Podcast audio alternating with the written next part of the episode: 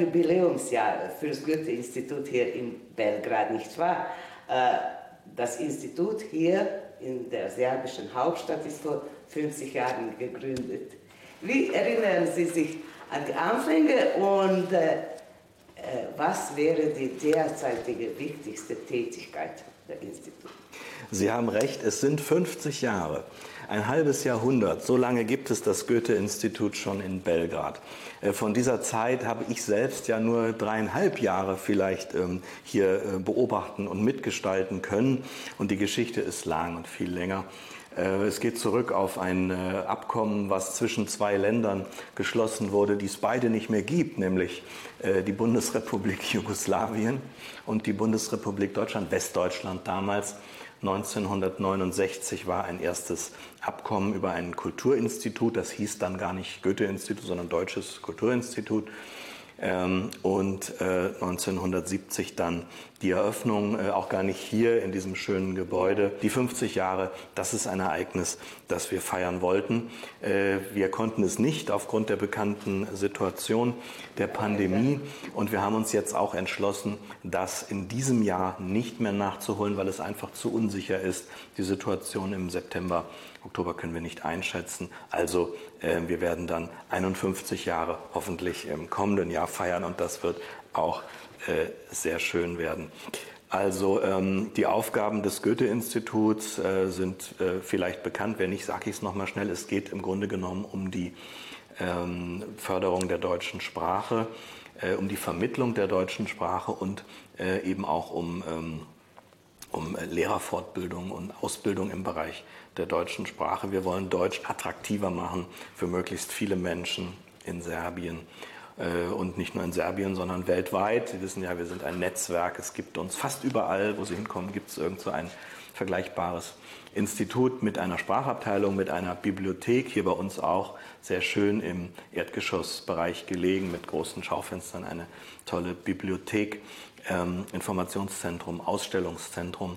Äh, und natürlich der Programmabteilung, die dafür sorgt, dass also Kulturprogramme ähm, zwischen Serbien und Deutschland ähm, passieren. Das umfangreiche Angebot an Sprachkursen wie auch der moderne und qualitativ hochwertige Unterricht zeichnen die Tätigkeit des Goethe-Instituts aus. Als Nachweis für das entsprechende Sprachniveau kann man das Goethe-Zertifikat erwerben. Für viele ist das ein ersehnter Zusatz im Lebenslauf oder auch eine Voraussetzung für berufliche oder akademische Pläne im deutschsprachigen Raum.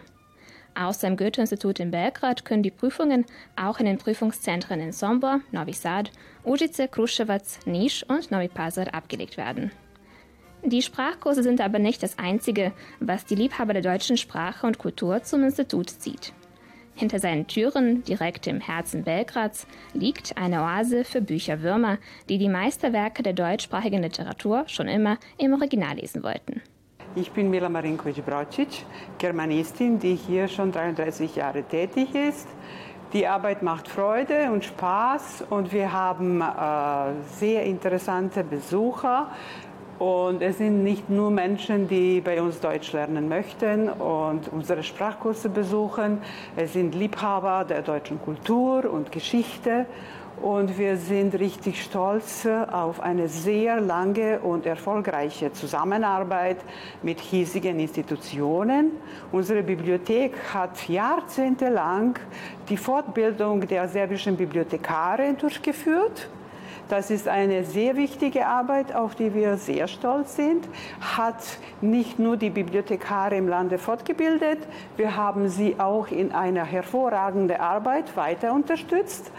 Äh, es gab auch eine wichtige Zeit, wo wir die Bibliotheken mit ersten Internet äh, Portalen und mit Computer versorgt haben. Es waren sehr wichtige Zeiten, die für Demokratisierung des Landes also gute Leistung äh, gemacht haben. Also was wichtig ist zu sagen, dass die Bibliothek, äh, Bibliothek offen für alle ist. Wir äh, nehmen keine Mitgliedschaftsgebühren. Äh, es ist nicht unbedingt wichtig und notwendig, dass jemand bei uns den deutschen Sprachkurs besucht, sondern einfach Interesse an deutscher Sprache und deutscher Kultur zeigt. Und ähm, das Angebot ist sehr interessant. Man kann äh, verschiedene Medien ausleihen, nicht nur äh, äh, Medienpakete, um deutsche Sprache besser zu beherrschen. Das ist also eine wichtige äh, Aufgabe, auch die Gegenwartsliteratur zu präsentieren.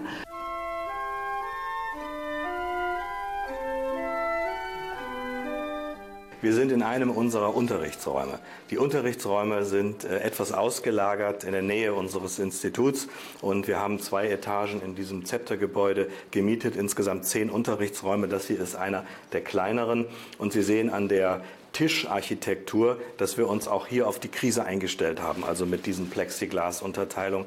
Anders geht es im Moment nicht, wenn man Präsenzkurse machen will. Und wir wollen Präsenzkurse machen. Es ist nach wie vor sehr wichtig, es ist sehr nachgefragt. Ich bin äh, teilweise auch für unsere Social Media zuständig und für unsere Homepage. Ähm, jetzt in den letzten Monaten ist Social Media noch wichtiger geworden und für unsere Arbeit also noch, war noch mehr ähm, ein, ein Fokuspunkt. Ähm, und das Goethe-Institut hat eine Facebook-Seite, eine Instagram-Seite und einen YouTube-Kanal und das nutzen wir alles. Äh, und äh, wir bieten auch Online-Kurse an, was in den letzten Monaten das Einzige war, was wir anbieten konnten. Ähm, und wir haben äh, unsere Bibliothek und Programmabteilung und auch die Sprachabteilung hat in letzter Zeit ähm, äh, viel äh, mehr also Online-Angebote ähm, erstellt und auch Instagram Live und Facebook Live als ein Format genutzt für Veranstaltungen, die nicht in Präsenzformat stattfinden konnten. Wenn Sie sich für deutsche Sprache und für deutsche Literatur und für Deutschland interessieren, äh, dann behalten Sie das Goethe-Institut im Auge.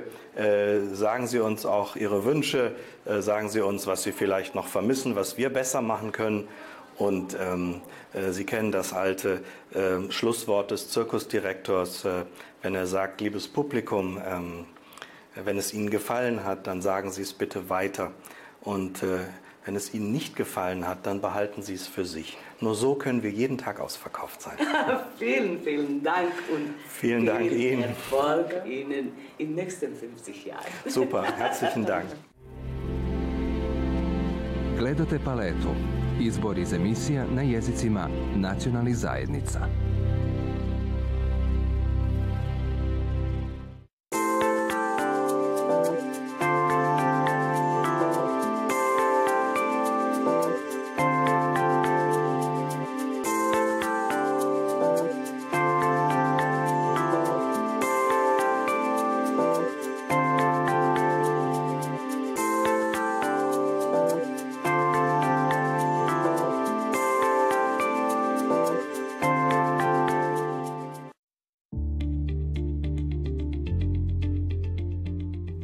Es ist die Aufgabe eines jeden Vereins, wie der Name schon sagt, Menschen zu verbinden.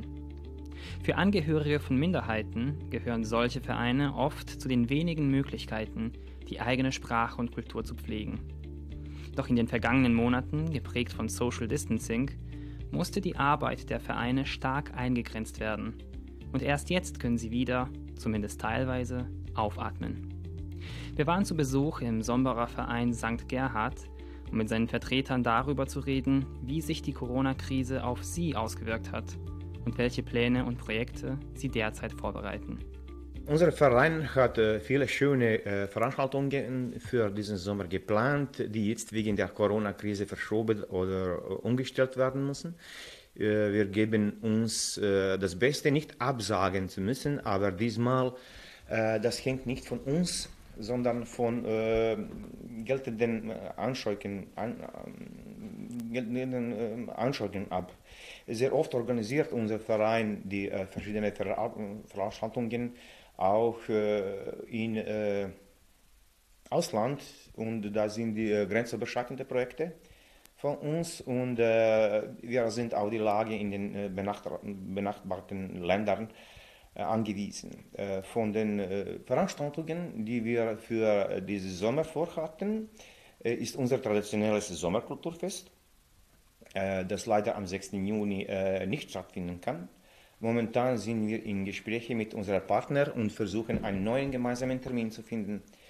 Äh, die Hauptakteure, äh, die, äh, von denen das Fest abhängig ist, ist die Blaskapelle, die bisher immer aus Ungarn kam, und natürlich Organisation der Verpflegung. Wenn wir diese zwei Sachen vereinbaren, werden wir einen neuen Termin mitteilen können. Nächste Veranstaltung, die wir für Juni geplant haben, ist die Eröffnung des Donauschwäbischen Museums hier in Sombor, in Sombor als äh, eine Dependenz des Stadtmuseums Sombor. Die äh, Bauarbeiten äh, sind zum Ende gekommen und jetzt äh, wird an dem Ausbau der Ausstellung äh, gearbeitet.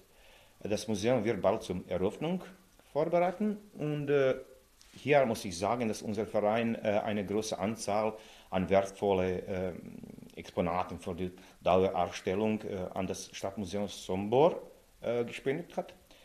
Und das Goethe-Institut hat auch ein Lehrmittelzentrum für das Museum gesichert, äh, sodass die Räumlichkeiten auch für die äh, Deutschlehrer, die Kinder und die Jugendlichen auch sehr interessant sein werden. Die Lebenskraft des Vereins St. Gerhard ist in erster Linie daran zu erkennen, wie unerschöpflich er sich seit Jahren für die Förderung von Sprache und Kultur unter den jüngeren Generationen einsetzt, um dadurch Nachwuchs für die deutsche Gemeinde zu schaffen. Näheres zu den geplanten Aktivitäten in der Jugendarbeit erzählte uns die Geschäftsführerin des Vereins, Gabriela Bogisic. Deutsche Verein Gerhard hatte im Bereich der Jugendarbeit diesen, dieser Frühling und diesen Sommer ganz viele Sachen vor. Leider wurden wegen dieser Corona-Krise einige Sachen abgesagt, einige einfach nur verschoben oder äh, aber auch gibt es auch Projekte, die wir eigentlich also um, äh, umgebaut haben. Äh, zum Beispiel äh, einige von meiner Kollegin, äh, IFA Kulturmanagerin, sie hat gearbeitet an einem Projekt äh, von, vom, vom Jugendaustausch zwischen Jugendlichen aus Serbien und Jugendlichen aus Page, aus aus Ungarn.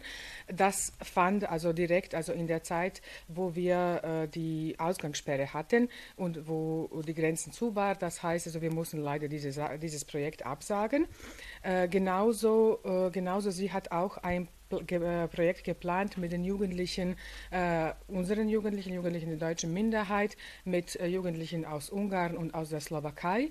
Äh, das ist ein Medienprojekt, der äh, momentan, also der in diesen also Verhältnissen also nicht stattfinden kann, aber die, die äh, IFA-Kulturmanagerinnen aus drei Ländern arbeiten jetzt momentan daran, dass dieses Projekt trotzdem also online also stattfindet. Äh, wir, unser Verein wurde auch, oder unsere Jugendlichen wurden auch äh, dieses Jahr, äh, diesen Sommer, im zweiten Hälfte Juni eingeladen zu einem Sprachaufenthalt in Deutschland von St. Gerhardswerk. Das haben wir jetzt für diesen Moment abgesagt. Wir werden also sehen, ob dieses Projekt dann auch im September stattfinden kann. Unser Verein organisiert in jedes Sommer ganz viele Freizeiten, von zwei bis drei Sommerfreizeiten. Für dieses Jahr haben wir ein Zirkuscamp geplant geplant und ein Feuerwehr, äh, Feuerwehrcamp geplant. Das sind alle äh, grenzüberschreitende Maßnahmen mit Jugendlichen aus fünf Ländern, mit Referenten, die auch aus Deutschland kommen. Und die betroffenen Länder sind Rumänien, Ungarn, Kroatien, Serbien und selbstverständlich Deutschland. Wir werden äh, sehen, ob sich die Situation in der Europa so entwickelt, dass alle diese Jugendlichen diesen Sommer bis Ende der Sommer, bis Ende August zu uns kommen können. Äh, und wir werden uns wirklich bemühen, dass wir auch diese äh, sprachfördernden Maßnahmen, dieses Mal auch, auch durchführen. Äh, wenn nicht, es ist auch möglich, dass wir das in einer geänderten Form also stattfinden äh, lassen. Auch wenn die jetzige Krise die Arbeit erschwert, gibt das Team des Vereins St. Gerhard ihr Bestes, sich dieser Herausforderung zu stellen, um die Donauschwaben und Deutschliebhaber sowohl im Lande als auch außerhalb miteinander zu verbinden.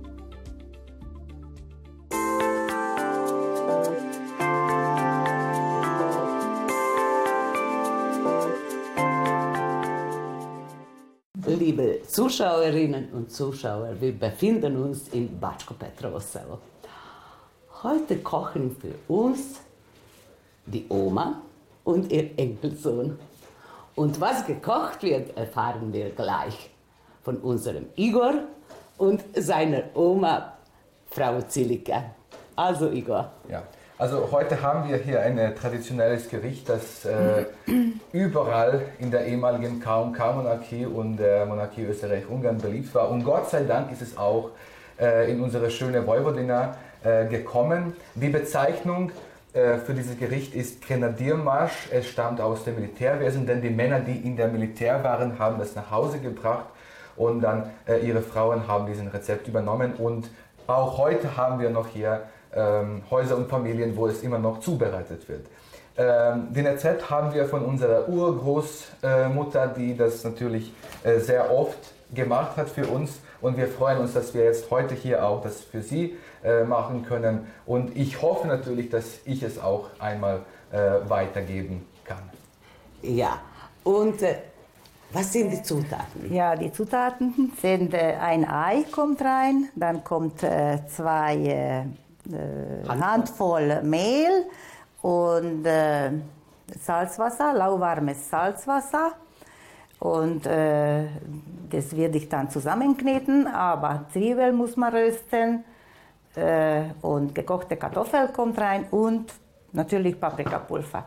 Und mit? Ja. Schweine. Mit Schweineschmalz wird das gemacht. Traditionell mit Schweineschmalz, ja, genau. Ja. ja. Und jetzt fange ich an zu machen. Ja, oder? bitte sehr. Kommt Ei rein.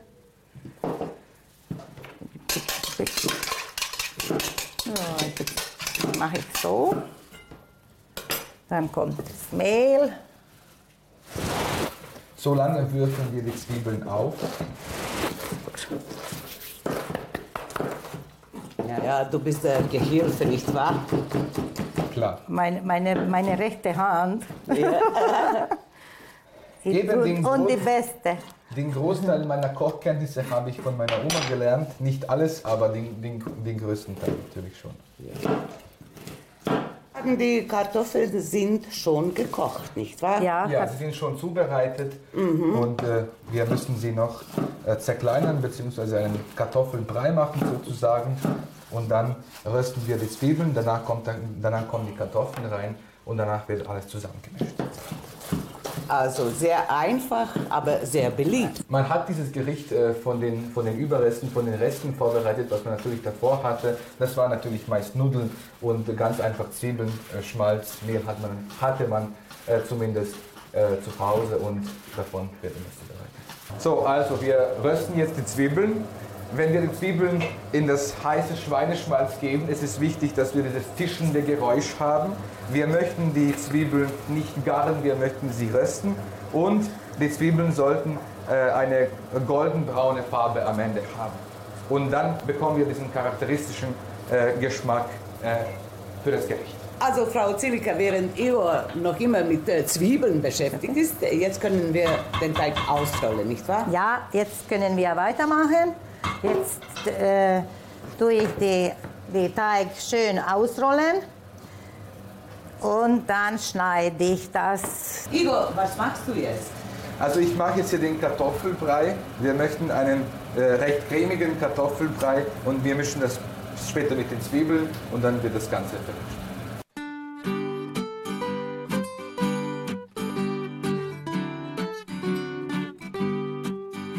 Das Gericht ist fertig, Grenadinmarsch. Bitte nimmst du jetzt die Teller und jetzt gehen wir zum Probieren. Es ist soweit, das ja. Essen ist fertig. Ja. Jetzt können Sie ja probieren. Bitte schön. Ja, danke. Und? So, die Beilagen kommen noch. Und in diesen heißen Sommertagen passt dazu am besten gekühlte Dillsalzgurken. Ja, und zur De Dekoration habe ich ein bisschen Schnittlauch geschnitten. Bitte sehr. Danke.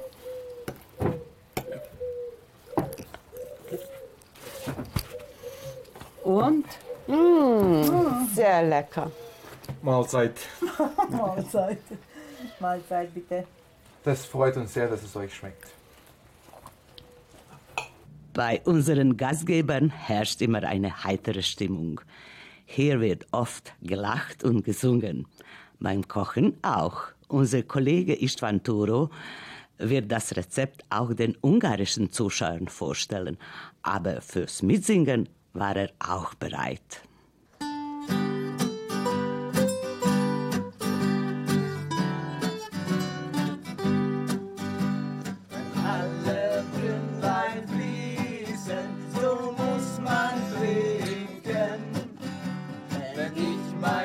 Herzlich rufen darf, tu ich ihm winken. Wenn ich mein Schatz nicht rufen darf, Julia, rufen darf, tu ich ihm winken.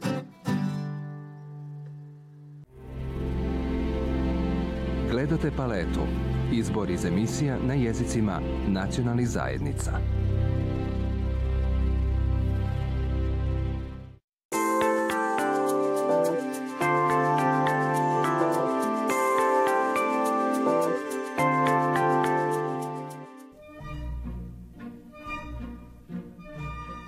Dieses Jahr ist die Durchführung des internationalen Donaufests wegen der aktuellen Entwicklung der Pandemie leider nicht möglich. In Hinsicht auf ein erwartetes Besucheraufkommen von 350.000 Menschen. Kern des internationalen Donaufests Ulm und Neu-Ulm ist sein internationaler Begegnungscharakter. Doch gerade die persönliche Begegnung von Menschen aus nah und fern im Rahmen einer solchen Großveranstaltung ist infolge der Coronavirus-Pandemie unmöglich geworden. Vor zwei Jahren hatten wir die Möglichkeit, mit dem Direktor des Donaubüros Ulm, Sebastian Riem, über das Festival zu sprechen. Also wir sind hier in Ulm, in und um Donaubüro, nicht wahr? Und äh, die, dieses Donaubüro ist äh, im Jahre 2002 gegründet. Was ist die äh, wichtigste Tätigkeit von diesem Büro? Herzlichen Dank. Das Donaubüro ist 2002 gegründet worden und wir sind eine gemeinnützige GmbH der Städte Ulm und Neu-Ulm. Ähm, wir sind im Prinzip in drei Missionen unterwegs. Ja. Wir sind einmal interregionale Projektagentur, das heißt, wir machen Projektarbeit im Donauraum entlang der Donau mit verschiedenen Kooperationspartnern und Freunden entlang der Donau, insbesondere im Thema Kultur, Jugendarbeit, Bildung, Umweltschutz und nachhaltige Mobilität. Besonders bei den letzten beiden haben wir zwei große EU-Projekte, die unser Haus ähm, mit durchführt mit vielen anderen Partnern entlang der Donau.